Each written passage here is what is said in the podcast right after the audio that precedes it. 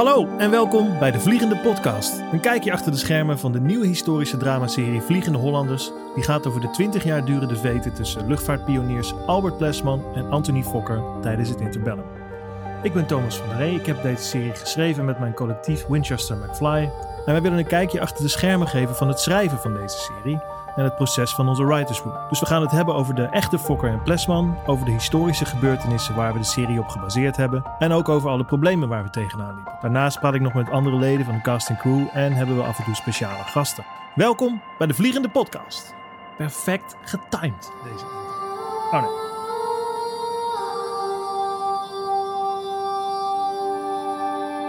Terwijl de muziek van uh, Marlijn Schnietke nog doorgaat, eerst even wat korte opmerkingen. Uh, voor de spoiler freaks, dit is een introductie, dus hier zitten geen spoilers in. Nou, geen grote in ieder geval.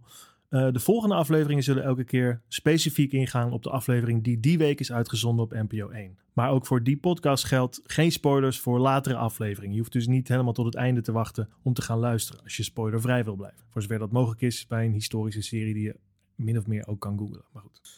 Sommige gesprekken gaan over internet, omdat we momenteel nog diep in coronatijd zitten. Dus die geluidskwaliteit is helaas iets minder, maar hopelijk wel goed genoeg.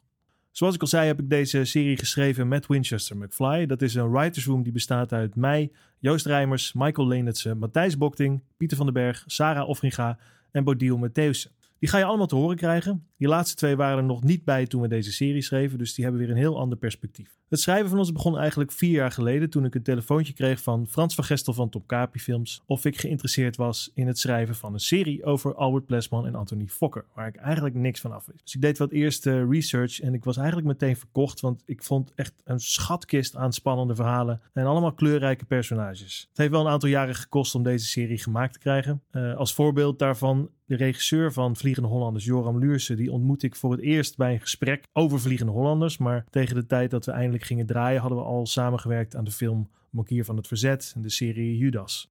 Dat lijkt me wel weer genoeg introductie, dus laten we snel gaan naar een van mijn collega's van Winchester McFly.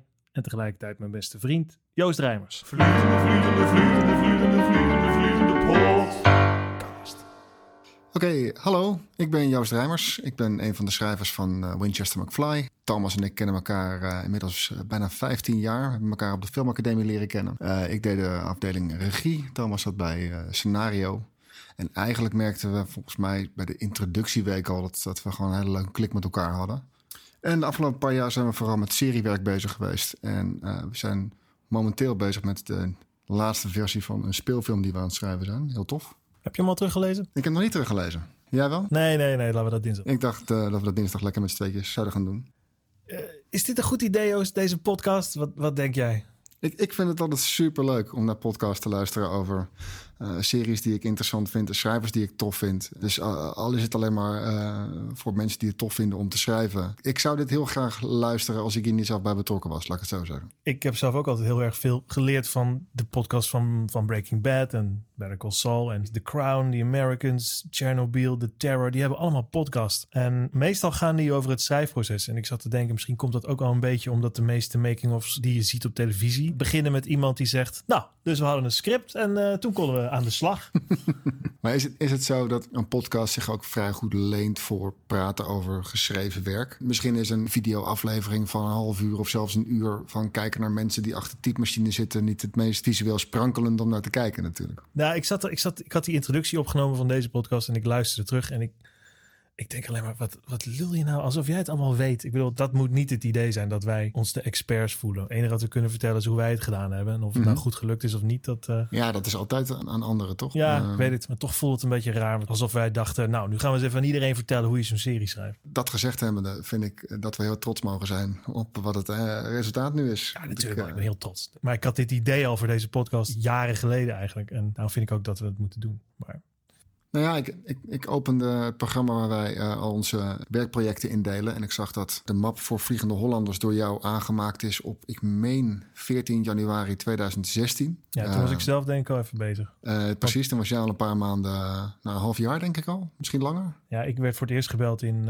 september 2015. En we nemen dit op in oktober 2020. Dus, dus jij bent er effectief vijf jaar mee bezig geweest. Ja, maar niet fulltime. Nee, maar als je het hebt over... Hoe kunnen we vertellen over of het proces interessant is? Heb jij wel een proces van vijf jaar doorgemaakt? Dus daar valt denk ik zeker iets over te vertellen. Het is alleen, het is alleen soms heel vervelend om naar je eigen stem terug te moeten luisteren. Maar ja. Ja, ik weet het.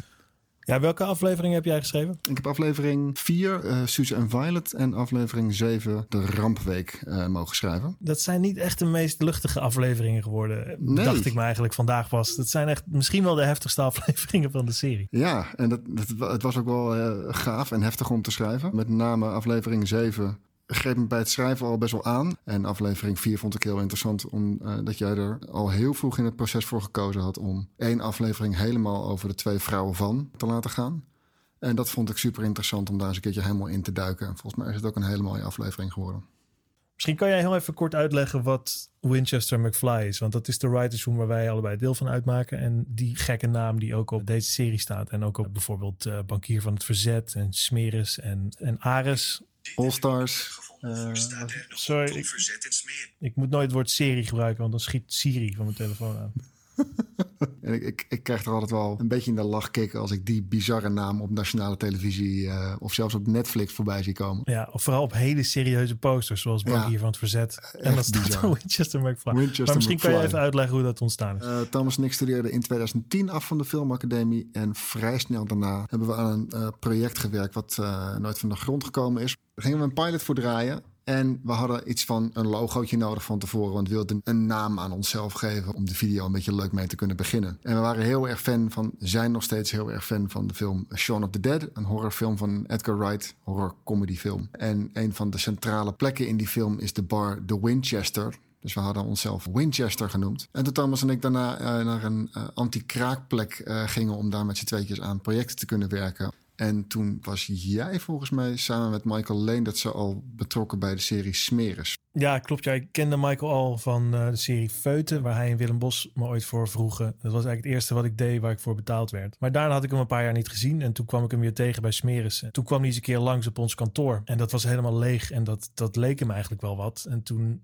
nam hij uiteindelijk het kantoor aan de andere kant van de gang met Matthijs en Pieter. En zij noemden zich McFly. Dus op het moment dat we daar uit moesten, omdat dat hele pand tegen de vlakte ging, toen besloten we om eigenlijk als groep verder te gaan om te kijken of we in ieder geval een kantoor konden vinden en misschien wel een professionele manier van samenwerken, omdat dat heel erg gezellig was en goed ging. En daar, was een soort klik tussen ons als makers die heel erg goed werkte. En toen kwamen we in het kantoor waar we nu nog steeds zitten. En uh, ja, die naam, dat, daar hebben we niet heel erg lang over nagedacht volgens mij.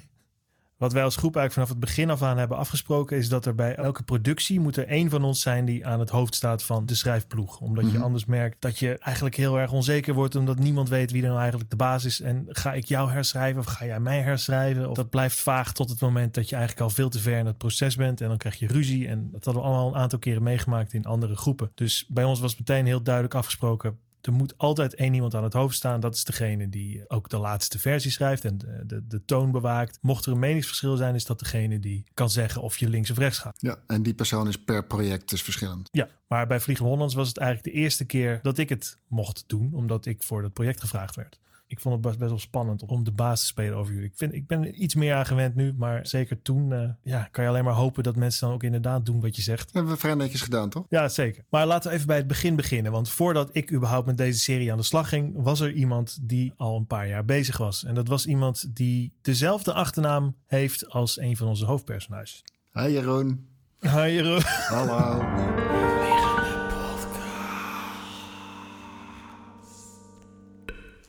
Jeroen Plesman. Ik ben de achterkleinzoon van uh, Albert Plesman.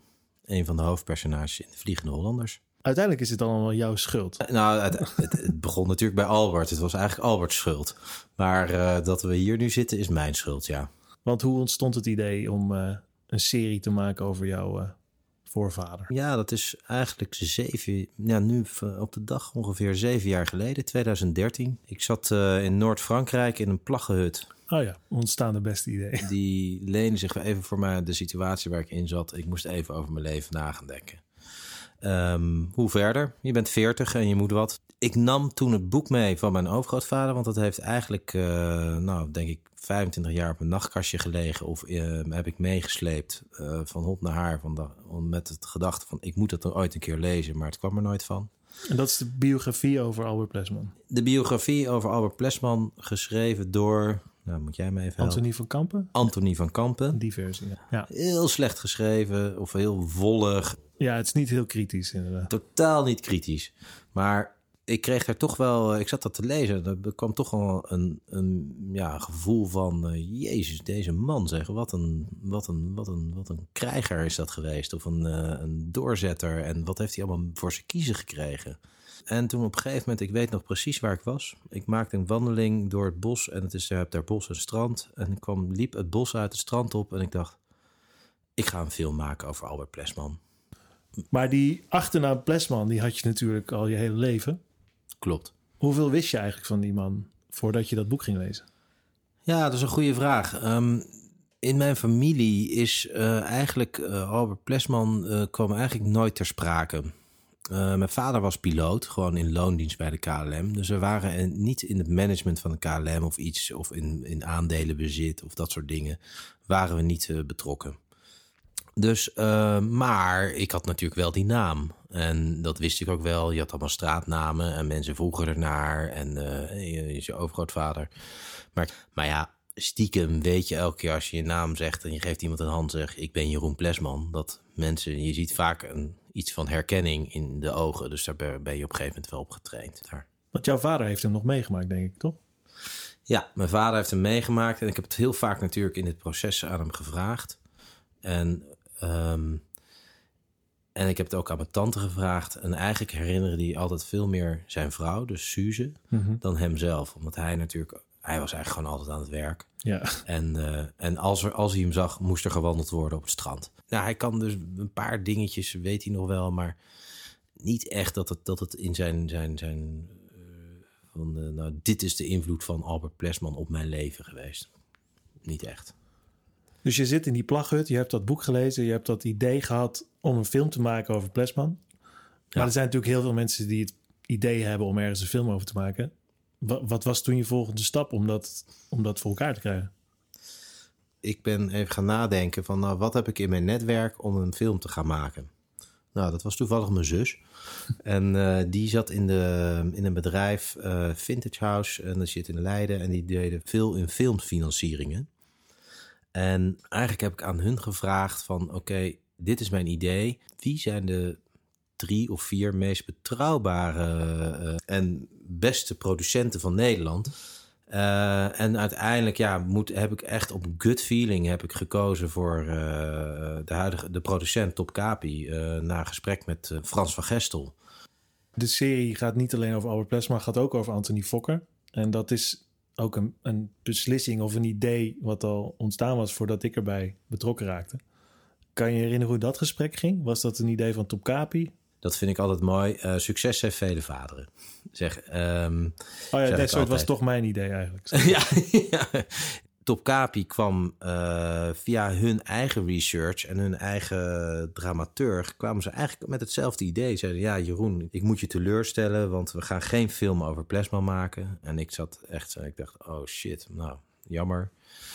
Nou, ik heb het in ieder geval geprobeerd. Um, maar, zei hij zo, we gaan een film over Plesman en Fokker maken. Of een serie, achtdelige serie over Plesman en Fokker maken over die twee mannen. Ik zei, en ik dacht, even better. Dit is nog een beter verhaal. Want inderdaad, Plesman, nou ja, jij weet het zelf ook. Het, hij is wat, wat, wat hoekig. Het is een wat uh, botte, ja. Als je acht, acht afleveringen naar de hoekige man kijken, dat wordt, ik denk dat niemand daar blij van wordt. Maar... Uh, ja, hetzelfde in, geldt voor Fokker. Als je ja, acht afleveringen alleen over Fokker lijkt me ook minder Exact, dus de combinatie is perfect. Dus maar ik was meteen enthousiast. Dus, en, en ik denk dat we toen elkaar voor het eerst ontmoet hebben. Ja, we hebben bij Top Capi hebben we elkaar. Ik, ik, ik kan me eigenlijk niet eens nee, meer herinneren. Ik, zeg dat niet. Nee. ik weet het niet. Het zal bij Top Capi geweest zijn. En jij ja. had wat, uh, wat materiaal ook voor me. Ja, wat je, wat je ben... nu vandaag uh, weer op komt halen. Een heel krat vol met oude fotoalbums en een kistje met oude uh, paspoorten ook en ja. stropdassen en. Ja, dat was een koffer. Dat was een oud KLM-koffertje zelfs. Medailles en en paspoorten en krantenknipsels en inderdaad een das, inderdaad. Ja, ja het zou kunnen. Ja. Het was voor ons heel bijzonder om dat allemaal in handen te hebben. Niet dat, niet dat alles per se bruikbaar was om een verhaal omheen te binden, maar dat je het gevoel hebt dat de personages waar je over schrijft dat letterlijk aangeraakt hebben en gedragen hebben. En ja, ja, ja dat, was, ja. Dat, dat, maakte het allemaal wel heel erg uh, tastbaar ineens. Nou, je neemt het vandaag weer mee. Ja, daarom. Ja. Dus ik, het komt vanzelf weer terug. En herken je nog iets van jezelf in Plesman? In zijn... Uh...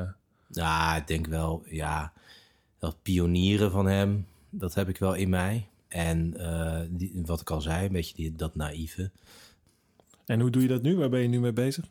Met uh, wat betreft naïef pionieren? Naïef pionieren. Nou, naïef, uh, ja, naïef pionieren ben ik nu uh, de regeneratieve landbouw ingesprongen. Dat is een moeilijk woord voor eigenlijk herstellende landbouw. Waarbij we eigenlijk projecten, een, een, project aan het starten zijn in, in de buurt van Utrecht. Om daar 20 hectare landbouwgrond weer terug te brengen. En in samenwerking met de natuur in plaats van tegen de natuur voedsel te gaan verbouwen. En, um, en over 100 jaar kan iemand een serie maken over jouw begindagen. Van de, in de, regeneratieve, landbouw. Ja, het is iets minder spannend dan, uh, dan, dan die luchtvaart. Hoe vond jij het om op de set te staan? Want we hebben een paar dagen nog samen uh, zijn we in Hongarije geweest. Ja, hoe vond jij het om met mij op de set te staan? Met je, nou, ik vond het voornamelijk bijzonder om met een Plesman naar Hongarije te vliegen. Ja. In, in een KLM-toestel. Want Oh, wat grappig. Ik wist wel dat als het toestel zou neergaan, zou mijn naam niet op die kantenkop uh, nee. staan. Nee, nee, dat klopt inderdaad. Ja, het is, het, ik vind het altijd heel leuk om op de set te staan en uh, tegelijkertijd heel erg saai. Om, uh, ja. Dat is ook waarom ik mezelf meestal een soort van figurante rol in forceer. in dit geval was ik de piloot met diarree ja, in ja. aflevering 1. Maar dat is niet de scènes die in Hongarije gedraaid werden. Wij waren daar in de Fokkerfabriek. Ja, en op dat gigantische grasveld. Enorm. Het was echt 40 graden. Ja. Oh man. Echt een paar dagen in een hoek zitten zweten om niet in de weg te lopen. Maar het was wel te gek. Om, voornamelijk om die F7 te zien die ze gebouwd hadden. Ja, ja toch wel echt ook weer emotioneel werken natuurlijk van, van shit, het gaat gewoon echt gebeuren. Het is, het is aan het gebeuren. Nou, we hadden afgelopen ehm, week de première in Utrecht van twee afleveringen hebben we daar gezien. Ja. Dat was jij natuurlijk ook, maar je familie was daar ook. Klopt. Hoe was dat om voor het eerst het eindresultaat te zien en ook nog eens een keer in een volle zaal en op zo'n groot doek? Ja, ik heb uh, denk ik twee uur lang zitten janken. Dus het, het, het zo, ging... zo slecht voor je. ja. nee, um, ja, super emotioneel. En ik moest daarna ook even speechen. En ik zie mijn vader nog voor me staan die tranen in zijn ogen. En ze is zo goed gedaan, zo goed gedaan. En die is behoorlijk kritisch. En die was ook wel best wel bang naar voor het eindresultaat. Ja. Mijn tante, die was ook uh, heel, heel blij. Mijn neef belde me, die zei: Jezus, ik, uh, het is zo raar om. Uh, iedereen kreeg opeens een connectie met die man in die hele familie. Dat was natuurlijk altijd een enigma. Jullie en Top Kapi en alle acteurs en iedereen hebben hem tot leven gebra- gebrekt weer. Ja, dat is heel emotioneel. En, ik, en zoals ik al zei, ik, uh, ik heb hem nooit ontmoet, maar ik heb nu wel het idee dat ik hem ken.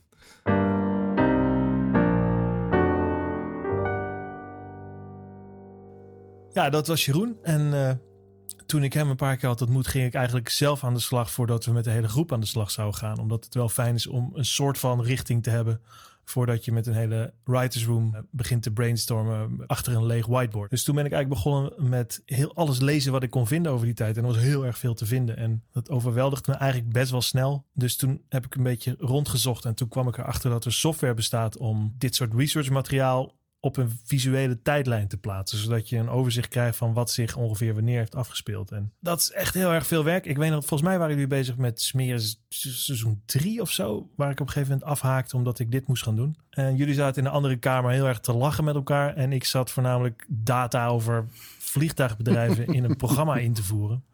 Ik weet nog de eerste keer dat ik die tijdlijn zag. Ik was echt blown away. En, en ik dacht vooral, jeetje, hoe lang ben je hiermee bezig geweest? Ik weet niet, ik heb altijd zo'n gevoel. Je moet een beetje een gevoel hebben bij jezelf dat je weet waar je het over hebt. En ik wist helemaal niet waar ik het over had, totdat ik al die boeken had gelezen. En een beetje een overzicht had van wat zich wanneer had afgespeeld en waarom. Je had er heel veel verschillende boeken gelezen. Jij kon heel goed zien dat sommige dingen die in twee of drie verschillende boeken stonden, omdat je die chronologisch onder elkaar had geplaatst in deze software, kon je ineens zien, oh maar Dat betekent dat dat moment bij Fokker en dat moment bij Plesman min of meer op hetzelfde moment plaatsvonden. Uh, wat je als je gewoon los die boeken naast elkaar had gelegd, waarschijnlijk nooit op die manier aan elkaar had vastgeknoopt. Nee, dat was echt een groot voordeel van die software. Dan zie je in één keer meer thematische links ontstaan, zodat je Plesman die eh, behoorlijke ruzies heeft met zijn piloten kan koppelen aan Fokker die zijn eigen fabriek wordt uitgewerkt in Amerika. En dat soort handige linkjes, die kan je niet losvinden in de bronnen. Nee, behalve als je het op deze manier onder elkaar ziet. Dus dat, nee, was, dat, was, dat was echt fantastisch. En ik denk dat dat ook alle, alle enorme investeringen en tijd die je erin gestoken hebt, ook meer dan waard is geweest. Want wat wij ook op je af konden vuren uh, tijdens het schrijfproces. Of je had het antwoord direct paraat, of je zei, oh dan moet ik even checken. En dan had je het binnen twee minuten uh, meteen kon je het zo oplepelen. Want je had niet alleen in een soort van steekwoorden allemaal dingen in een tijdlijn gezet. Je had ook gewoon passages uit de boeken ernaast geplaatst. Dus je kon het ook meteen allemaal supergoed terugvinden. Na die weken uh, invoertijd, dat ik gewoon fulltime boeken zat te lezen en over zat te tikken. Ik, ik zweer dat ik die, die afleveringen echt in 10 minuten toen kon vinden. Toen ja, ja. uiteindelijk een stapje naar achter zette om te kijken waar, hoeveel kernen kan ik vinden waar je een aflevering omheen kan bouwen. Want volgens mij was het een beetje aan ons om te bepalen of dat er zes moesten zijn of acht of tien. Dat lag nog een beetje in het midden. Mm -hmm. En toen kon ik eigenlijk vrij snel acht van die clusters vinden waarvan ik dacht, volgens mij zit daar een aflevering in. En die zijn heel erg veranderd nog, maar de gebeurtenissen waar ze omheen gebaseerd zijn, zijn eigenlijk al die tijd hetzelfde gebleven. Ja, dus... dat, ik wou net zeggen, heel erg veranderd. Leuk dat je dat zegt, want je had vanochtend een, een, van de allereerste documenten gestuurd. Die in de aanleiding hiervan had geschreven. En ik, en ik was eigenlijk vooral best wel onder de indruk dat het eigenlijk in, in de basis al heel erg in het begin wist je al wel echt wel heel erg waar je naar op zoek was. En vooral wat ik indrukwekkend vind om te lezen, is dat je zo goed wist dat je de afleveringen zelf zo compact mogelijk qua tijdsverloop wilde hebben. En dat uh, vooral de tijdsprongen tussen de afleveringen in zouden zijn. Waarom was dat zo belangrijk voor je? Nou ja, ik denk dat we in eerste instantie op zoek gingen naar, of in ieder geval ik ging op zoek naar een verhaaltijd. Ik bedoel, ik wist dat die twee mannen elkaar twintig jaar hadden gekend. Uh, en dat was precies het interbellum. En ik ging eigenlijk op zoek naar wat is dan de periode die we gaan vertellen. Want die 20 jaar vertellen, wat we uiteindelijk gedaan hebben, is niet ideaal. Voor, voor ons niet als schrijvers niet, uh, om te researchen niet, om te produceren al helemaal niet, om te Mhm. casten niet, om te draaien, om te dressen. Om, het is echt eerlijk gezegd een behoorlijk probleem geworden. Want dan moet je, op deze manier moet je elke aflevering andere vliegtuigen hebben die er allemaal niet meer zijn. Ja. Maar als je zo'n tijdlijn ziet, dan zie je dus ook dat die 20 jaar eigenlijk een min of meer perfecte karakterboog voor die twee personages uh, met zich meebrengt. Waarin je eigenlijk ziet dat Fokker van een machtige man langzaam maar zeker die macht kwijtraakt. En bij Plesman is dat omgekeerd. Die begint als een klein luitenantje en die groeit en die groeit. En dat kruist elkaar in het midden. En die omslag is perfect als je het over 20 jaar verdeelt, maar niet als je alleen maar uh, richt op de jaren 20 of de jaren 30. En daarbij vond ik het interessant dat je dus gaat van oorlog naar oorlog. En vooral als je weet dat Plesman het hele vliegen zag als een manier om nooit meer oorlog te voeren. Dan zit daar een bepaalde vrede, ironie achter die ik wel interessant vond. En toen kwam ik ook nog uh, erachter dat je aan weerszijden van die 20 jaar heb je Herman Geuring. Wat een, een, een hele rare, een heel raar terugkerend personage is. Maar die mm. wel uh, redelijk perfect weergeeft wat er eigenlijk veranderd is in die jaren. En hoe de wereld vooruit is gesneld richting een nieuwe oorlog. Ja. Dus die 20 jaar, daar, daar, ik heb echt mijn best gedaan. Maar ik vond daar geen. Ik vond niks wat beter werkte dan die 20 jaar. Maar dan, toen dacht ik wel, dan moeten die afleveringen niet ook elke keer jaren in beslag nemen. Want dan wordt het een soort en toen en toen en toen verhaal. Dus toen Mhm. mm -hmm. dacht ik, als we die afleveringsboog zo kort mogelijk kunnen houden, dan is het waarschijnlijk in ons voordeel. En dan heb je ook nog iets van verrassing als je de volgende aflevering begint. Waarin je dus echt jaren, jaren verder bent. Dit is misschien een vrij, vrij grootse vraag. Maar als je nu terugkijkt op de afgelopen vijf jaar, is er dan een moment of een, of een scène of een aflevering, als je er nu op terugkijkt, waarin het project van een groots episch verhaal met, met larger-than-life karakters omvormde naar iets persoonlijks waarvan jij zegt, hier kan ik mezelf ook heel erg in kwijt? Nou, los van alle inside jokes die verder niemand herkent, denk ik dat ik. Eigenlijk kan je dat hele proces van het oprichten uh, van die 20 jaar KLM en Fokker het is niet. Het is enigszins te vergelijken met zo'n serie. Namelijk, je begint en je weet helemaal niet waar je uit gaat komen. Mhm. Je weet niet of het gaat lukken. Je weet niet of je misschien wel halverwege ontslagen wordt of dat het hele ding ontploft. Je moet met allemaal mensen samenwerken die je niet kent, waar je misschien wel ruzie mee krijgt. Ik vond iets heel herkenbaars zitten in die drive van bijvoorbeeld Plesman om zo'n bedrijf op te zetten. En eigenlijk net te doen alsof hij wist waar hij het over had, maar het eigenlijk maar een beetje te bedenken terwijl hij ermee bezig was. Want dat is wel iets wat ik herken als, als schrijver van deze serie en de schrijver van welke serie dan ook, eerlijk gezegd. Ja, precies. Ja, dat is leuk. Dus wat betreft het proces denk ik dat ik dat wel herken. En verder zitten er ontzettend veel kleine biografische momentjes in die eigenlijk alleen voor mij leuk zijn. Mhm. Maar in beide mannen is dat wel iets wat ik interessant vond en iets wat ik niet in mezelf herken. Wat ik dan op die manier toch een beetje kan ervaren. Eén één ding wat je echt al in het aller, allereerste document... naar aanleiding van het eerste research-verslag eh, schreef... was dat jij er heel hard voor wilde gaan knokken... Om er, geen serie van te maken die zeg maar, begint aan het einde van het verhaal... en dan terug te springen naar waar het allemaal begon. En waarom dat zo belangrijk voor je was... was dat je het interbellum als het hier en nu van de serie wilde vertellen. Zodat je ziet met wat voor onzekerheden deze mannen aan het werk waren. In plaats van dat wij als kijker al een stap op hen voor zijn. Ja, ik vind, dat, ik, vond het, ik vind het meestal een beetje een trucje. En in Mhm. dit geval vond ik het al helemaal een trucje. Omdat je dan, het verandert die hele serie in een soort van melancholisch terugkijken op die goede oude tijd. En het kan heel goed. Je kan, je kan beginnen in 1940. En hij denkt terug aan zijn, aan zijn vroeger jaren. Het is waarschijnlijk een makkelijkere manier om door de tijd heen te springen. Maar het gaat daardoor voor mij nooit leven. En ik, de onzekerheid van dat vliegen vind ik juist, eh, vond ik juist belangrijk om mee te maken in het heden. Zodat je net als die mannen eigenlijk een beetje verbaasd moet zijn als dingen lukken en als vluchten aankomen. En dat, dat je inderdaad die burgerluchtvaart ziet groeien voor je ogen. Van een heel lullig, vlie- een heel lullig vliegtuigje op een grasveld naar toch wel een redelijk grote industrie. En dat heb je denk ik allemaal veel minder als je dat vanuit de raamvertelling gaat doen inderdaad. Ja, precies. Maar die eerste ideeën die heb ik inderdaad op papier gezet. En toen kregen we daar geld voor van het Mediafonds om te doen. En toen konden we eigenlijk als groep beginnen. En een van de eerste dingen die we zijn gaan doen is nog dieper de researchfase in. Waarbij we specifiek konden ingaan op bepaalde onderwerpen die we in de serie wilden laten terugkomen. Waar ik eh, nog geen tijd voor gehad had. En laten we nu eens gaan luisteren naar onze co-schrijvers van Winchester McFly. En wat zij precies geresearched hebben in deze periode. Vliegende, vliegende, vliegende, vliegende, Pieter, wat had jij geresearched in onze research maand? Was het een maand? Eh, ik weet niet precies hoe lang het was, maar ik geloof dat het anderhalve maand heeft geduurd. En ik heb me eigenlijk voornamelijk gericht, eh, we zouden ons allemaal richten op onze eigen aflevering. Dus ik heb me helemaal gestort op de, op de Uiver en op de Londen-Melbourne race. Ja, ja. Uiteindelijk heeft Matthijs die geschreven. Ik heb echt geen idee meer waarom dat zo ging. Volgens mij ging Matthijs op vakantie. Oh ja, dat kan wel zijn. En eh, was het dan met de planning van het opnemen zo dat, eh, dat het beter was, dat hij dan zes niet kon doen, maar drie wel. Eh, hoe heb je dat gedaan? Hoe heb je die uivertocht onderzocht? Eigenlijk waar alles tegenwoordig begint op het internet. Maar toen kwam ik al snel tot de conclusie dat er een gouden boekje was dat alle informatie had. Is- En dat was een verslag van zowel binnenuit als van buitenaf. wat, wat het deed met het land, hoe het van buitenaf werd beleefd. En dan ook met, gebaseerd op de verslagen eh, die in het vliegtuig werden gemaakt. Eh, nou ja, er was een bankier mee en er was een hele rijke... Nee, de twee bankiers. Ja, oh, ik dacht dat die tweede een businessman was. Ik weet niet dat hij niet gespecificeerd was wat hij, wat hij deed met geld. Eh, of hij het alleen uitgaf eh, en had, of dat hij er ook, eh, of hij het ook belegde.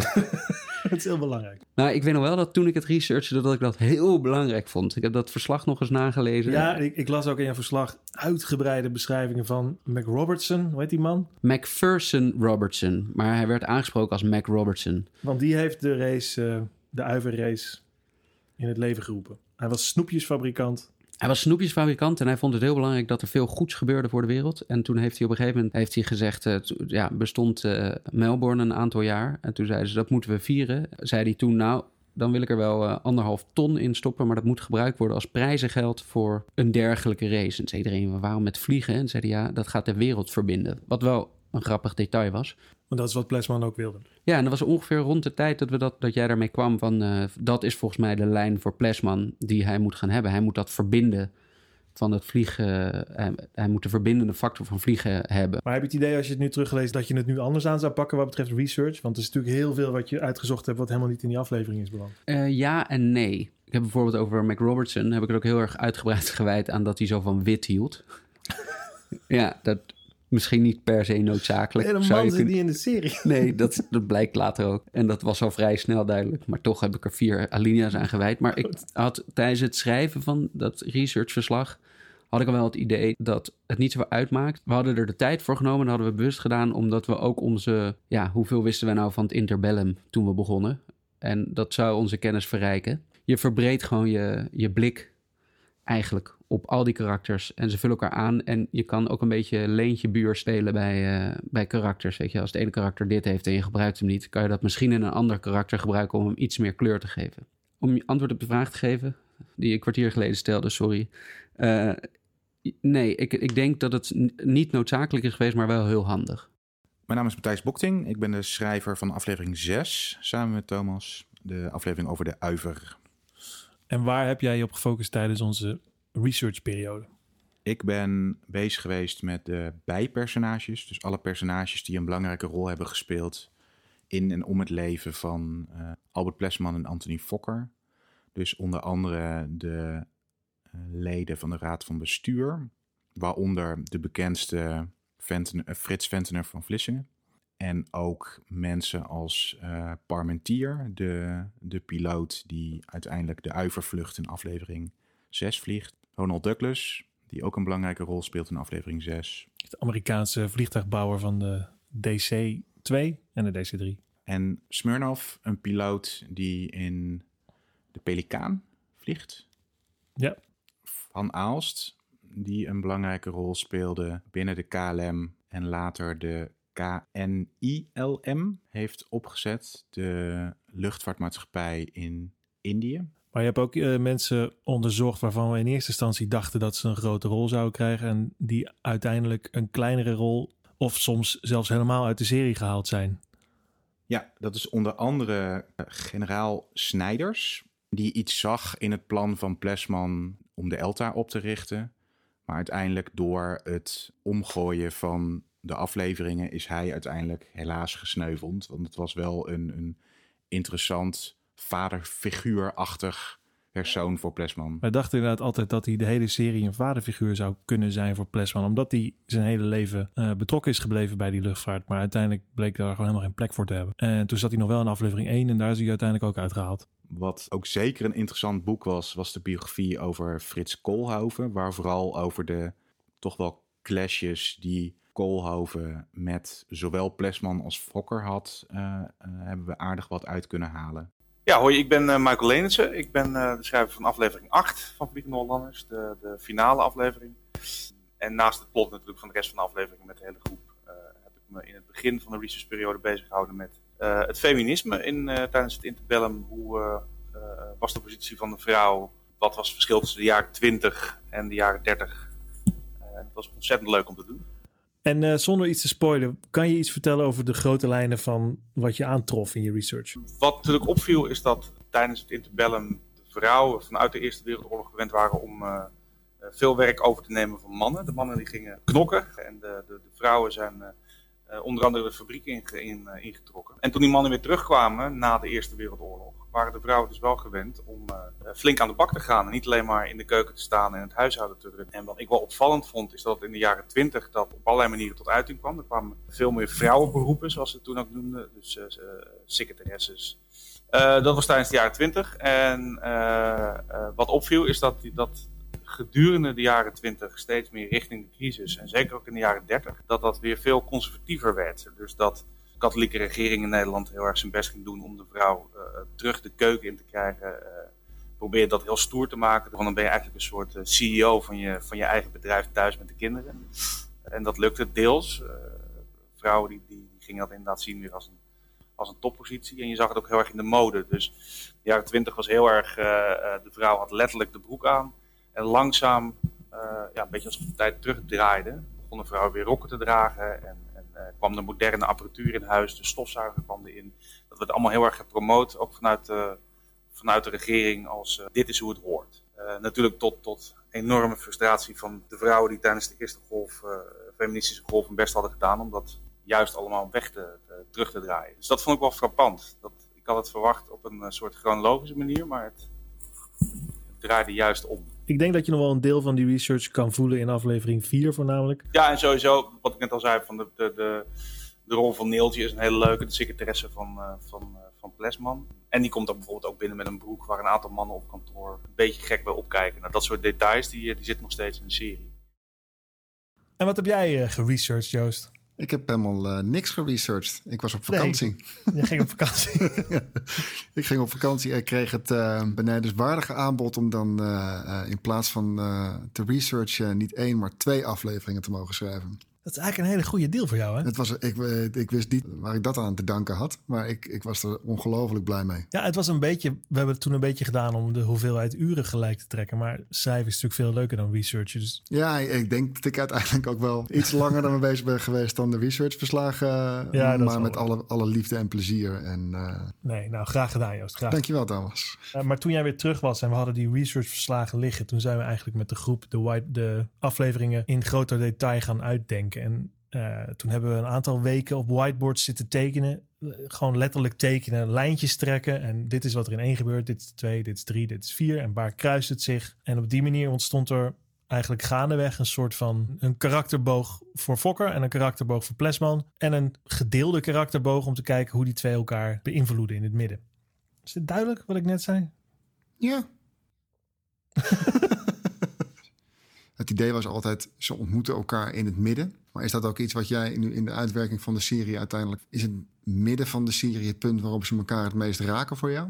Nou, het, stomme is dat het midden precies het moment is dat we een acteurswissel hebben. En dat is niet iets waar we heel erg rekening mee hielden, omdat we uh, die twee mannen gaan van 30 naar 50 jaar oud. En ik had altijd in mijn hoofd dan dat het acteurs zou worden van jaar of 40 die je dan beide kanten op zou uh, schminken. Maar Joran Luurse, de regisseur, die besloot eigenlijk al heel snel dat hij dat niet wilde doen. Dat hij met twee sets acteurs wilde werken. Zodat je echt ziet dat ze jong zijn. En echt ziet dat ze een stuk ouder zijn in de laatste fase. Maar dat betekent dus ook dat je weer even moet wennen aan nieuwe koppen. Halve, of in het begin van aflevering 5. En dat dat ook allemaal andere dingen doet met hoe je dat personage insteekt. Wat we van tevoren bedacht hadden was dat je heel erg een Plesman zijn kant zou staan in het begin. En dat dat eigenlijk steeds meer naar Fokker zou verschuiven als je verder in de serie komt. En ik denk wel dat dat ongeveer nog klopt. Maar ik, ik denk dat we tegelijkertijd ook wel aan Fokkers kant staan in het begin. En ik denk dat we tegelijkertijd ook nog wel een Plesman kant staan aan het einde. Dus het is, het is wat minder zwart-wit dan wij in eerste instantie op dat whiteboard hebben getekend. In ieder geval, dat hoop ik. Ja, die, de, de, de gekleurde lijntjes die je tekent op een, op een bord... wordt toch wel heel anders op het moment dat je dat inderdaad in acht afleveringen uitwerkt... en vervolgens belichaamd ziet worden door acteurs... die er ook nog eens een keer een eigen invulling aan geven. Alles wat je schrijft is altijd met de hoop dat het veel gelaagder en, en dieper gaat worden... dan uh, die lijntjes die je op een wit bord tekent natuurlijk. Nou goed, we hadden natuurlijk geresearched wat we konden. En daarmee zijn we aan de slag gegaan met die scripts. Maar in de latere fase van dit proces eh, zijn we bij iemand terechtgekomen die nog veel meer weet van Fokker en Plesman. Die man is meer vergeten van Fokker dan ik ooit zal weten. Die kregen we bereid om de scripts mee te lezen. Laten we heel even luisteren naar Mark Dieriks.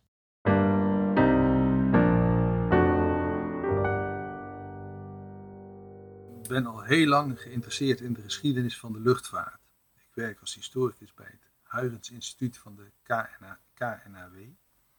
En eh, daar ben ik zelfs speciaal vrijgemaakt voor dit onderwerp de laatste jaren. Maar al heel veel langer geleden raakte ik geïnteresseerd in de figuren Fokker en Plesman. En eh, dat begon eigenlijk met vooronderzoek voor een proefschrift dat ik begin de jaren 80 eh, aan het voorbereiden was. Voor dat proefschrift heb ik een ronde gemaakt langs allerlei bedrijven, instellingen en archiefinstellingen die ze, die, waarvan ik kon vermoeden dat ze iets zouden kunnen bewaren op het gebied van de luchtvaartarchieven. En zo kwam ik onder andere bij, uh, bij Fokker terecht. En dat bedrijf bestond toen nog. En daar raakte ik aan de praat met de secretaris van de directie, meneer Van Eck. En die, die legde mij uit van je, je bent jaren te laat bij ons, want wij hebben niks meer uit het, uit het verleden. Want vertelde hij mij, in 1946 hebben we het hele archief van Fokker, wat op een, in een pakhuis aan de Brouwersgracht in Amsterdam lag, aan de Amsterdamse brandweer cadeau gedaan, voor brandweeroefeningen. Zodat we in ieder geval zeker zouden weten eh, dat er geen rare, vervelende verhalen uit, van betrokkenheid van Fokker bij de Duitse oorlogsinspanning ooit boven tafel zouden kunnen komen. Oh, dit, ik ben geen historicus, maar dit doet mij ook zelfs pijn om te horen. Precies.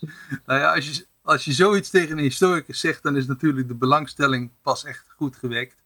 Want ja, ja. kennelijk ben je dan iets op het spoor waar een luchtje aan zit. En dat heb ik dan ook, eh, dat spoor heb ik dan ook heel veel jaren, eh, zo af en toe als ik daar tijd voor had, geprobeerd om te volgen en in kaart te brengen. En dat heeft uiteindelijk in een hele stapel boeken geresulteerd over hetzelfde onderwerp. Misschien niet heel erg gezond voor de, eh, voor de academicus, maar wel interessant wellicht voor, de, voor de lezer. Want ergens halverwege de jaren negentig, toen ik in de, Verenigde Staten werkte, dacht ik dat ik zo intussen ongeveer alles aan de weet was gekomen van Fokker, wat ik ooit aan de weet zou kunnen geraken. En uh, het toeval wilde dat ik bij de Smithsonian Institution in Washington een half jaar een soort aanstelling kon krijgen. En ja, dan moest ik ook iets doen natuurlijk in die aanstelling. En dat iets werd het schrijven van de biografie van Anthony Fokker. Die is dan verschenen in 1997 in het Engels. En vervolgens kwam ik in Nederland terug en raakte ik me hier met een uitgever in gesprek. En die zei, god, dat is wel interessant. Wil je er niet een vertaling van maken? En nou ja, zo is het, het project eigenlijk langzaam een eigen leven gaan leiden. Dan maak je een vertaling, daar staat weer net iets meer in dan in het origineel. Want Nederlandse lezers die hebben toch een wat andere achtergrond dan Amerikaanse lezers. Maar vervolgens, ook nadat het Nederlandse boek verschenen was, bleef er iedere keer met, met wat wonderlijke tussenpozen toch telkens weer materiaal boven water komen. Waarvan ik het bestaan eigenlijk niet wist. En zo geraakte ik halfweg de jaren, de jaren nul, zo rond 2005, eigenlijk ervan overtuigd van, goh, er is vast nog veel meer te vinden. Zeker nu met nieuwe informatietechnologie, het, het zoeken van informatie en het vinden daarvan zoveel makkelijker geworden is dan het vroeger was. Misschien kan ik al die nieuwe eh, digitale technieken inzetten om mijn verhaal nog wat verder uit te werken en te verdiepen. En tot mijn eigen verbazing eigenlijk wel uh, heb ik in de jaren daarna ontdekt dat ik ongeveer, maar, dat ik ongeveer de helft van het verhaal van Fokker gemist had bij mijn eerdere onderzoek. En dat kwam je toevallig op het spoor of dat, dat werd een obsessie? Of hoe moet ik dat zien? Nou ja, het is, het, het is natuurlijk sowieso ongezond als je je heel lang met hetzelfde bezighoudt, denk ik. Uh, dus het, het, enige kenmerken van een obsessie heeft het wel. Maar aan de andere kant, je kwam ook wel hele interessante nieuwe dingen uh, op, uh, op het spoor via dat internet. Dat je een expert bent op het gebied van Fokker, dat is wel duidelijk. Maar was Plesman ook iemand die heel erg je aandacht trok als historicus? Of was dat iemand die je minder interessant vond? Maar in Plesman raakte ik pas echt geïnteresseerd toen ik ook, denk ik, in die rondgang langs archiefinstellingen aan het begin van mijn onderzoek voor mijn dissertatie in Den Haag te gast was bij Wim Teuben. Wim Teuben, leeft niet meer, maar was een verwoed verzamelaar van vliegtuigmemorabilia, van alles en nog wat. En Wim liet mij eh, bij, bij, het bezoek aan zijn eh, appartementje, liet hij mij zien dat hij de liefdesbrieven van Albert Plesman had. Een hele stapel. Van Plesman en Suze. Van Plesman en Suze, ja precies. Dat, A, je, je, verwacht niet dat je dat bij een willekeurige verzamelaar gaat aantreffen. Maar Wim was wel zo aardig om mij een complete set met fotocopieën mee te geven van die brieven. Zo van, nou, als je ooit nog eens verder in het, echt in het privéleven van Plesman geïnteresseerd raakt, dan heb je alvast dit. Want dit zijn brieven die zijn geschreven voordat eigenlijk het verhaal van onze serie begint. Dus dat is. Ja, dat klopt. Ja. Uh, in zijn tijd bij de wielrijders, denk ik, was het ongeveer? Ja, ja, ja. De liefdesbrieven zijn uit de periode 1915 tot uh, begin 1918. En wat voor beeld krijg je aan de hand van die brieven van Plesman in die dagen? Ja, dan krijg je eigenlijk een beeld van een heel paternalistisch persoon. Kijk, meestal, ik weet niet hoe dat met de gemiddelde luisteraars zijn, zijn of haar liefdesbrieven zit, maar liefdesbrieven die hebben heel veel gevoel. Die waren altijd, de, de, uit de aard der zaak uh, geef je jezelf bloot in die liefdesbrieven. Er gebeurt eigenlijk dus verrassend weinig. De brieven staan vooral bol met uh, bespiegelingen over problemen die ze samen hebben, waar, waar hij dan een oplossing voor weet. en uh, adviezen aan zijn vriendin Suze, later dan zijn verloofde, uh, wat ze allemaal wel en niet moet doen en hoe ze zich moet gedragen en wel, wat voor uitvluchten ze moet bedenken om aan de controle van haar ouders te ontkomen, zodat ze in ieder geval samen afspraakjes kunnen arrangeren je leert hem eigenlijk meteen kennen. En als je dan vervolgens ziet hoe die ook dus in de, in de, in de, in de serie, hè, die dan in 1919 begint, eigenlijk met, meteen als, als, als vrij jong lichtgewicht luitenantje toch op de een of andere manier een soort soortelijk gewicht in de schaal weet te gooien. En je linkt dat aan die liefdesbrief, dan zie je, hé, hey, dat is blijkbaar iets wat komt uit het karakter van, van de man. Dat zit heel diep. Ja, heel zakelijk, weinig zichtbare emotie en heel erg pragmatisch. Ja, nou, wat ik uh, gaandeweg merkte bij het schrijven van de serie is dat wij, omdat wij al die research aan het doen waren en al die boeken aan het lezen die jij onder andere geschreven had, dat ik eigenlijk een beetje de expert was van de productie over eh, wat er echt gebeurd was en wat we zelf verzonnen hadden. En daar werd ik eigenlijk steeds ongemakkelijker onder, omdat ik natuurlijk geen historicus ben. En ik was eigenlijk steeds meer degene die de geschiedenis probeerde te verdedigen tegenover, laten we zeggen, dramatische ingrepen. En ik wilde eigenlijk liever aan die andere kant staan. En op een bepaald punt hebben wij contact met elkaar gekregen, omdat jij, jouw naam natuurlijk zo vaak naar voren was gekomen al. En heb ik jou de vraag gesteld of jij misschien de scripts mee zou willen lezen. Kan je herinneren wat jouw reactie was toen je de eerste documenten las waar wij toen al een paar jaar mee bezig waren? Ja, ik, ik moest daar even aan, uh, aan wennen, aan, uh, aan de scripts en aan, aan, de, aan de benadering. En dat, dat, heeft, dat heeft best wel een aantal redenen die ook met onze heel verschillende beroepen te maken hebben, denk ik. Kijk, als historicus ben je eigenlijk per definitie een beetje een toeschouwer aan de buitenkant van het verhaal wat je aan het schrijven bent. Je kijkt naar een verhaal toe, je kijkt naar de binnenkant en je probeert daarin patronen te herkennen.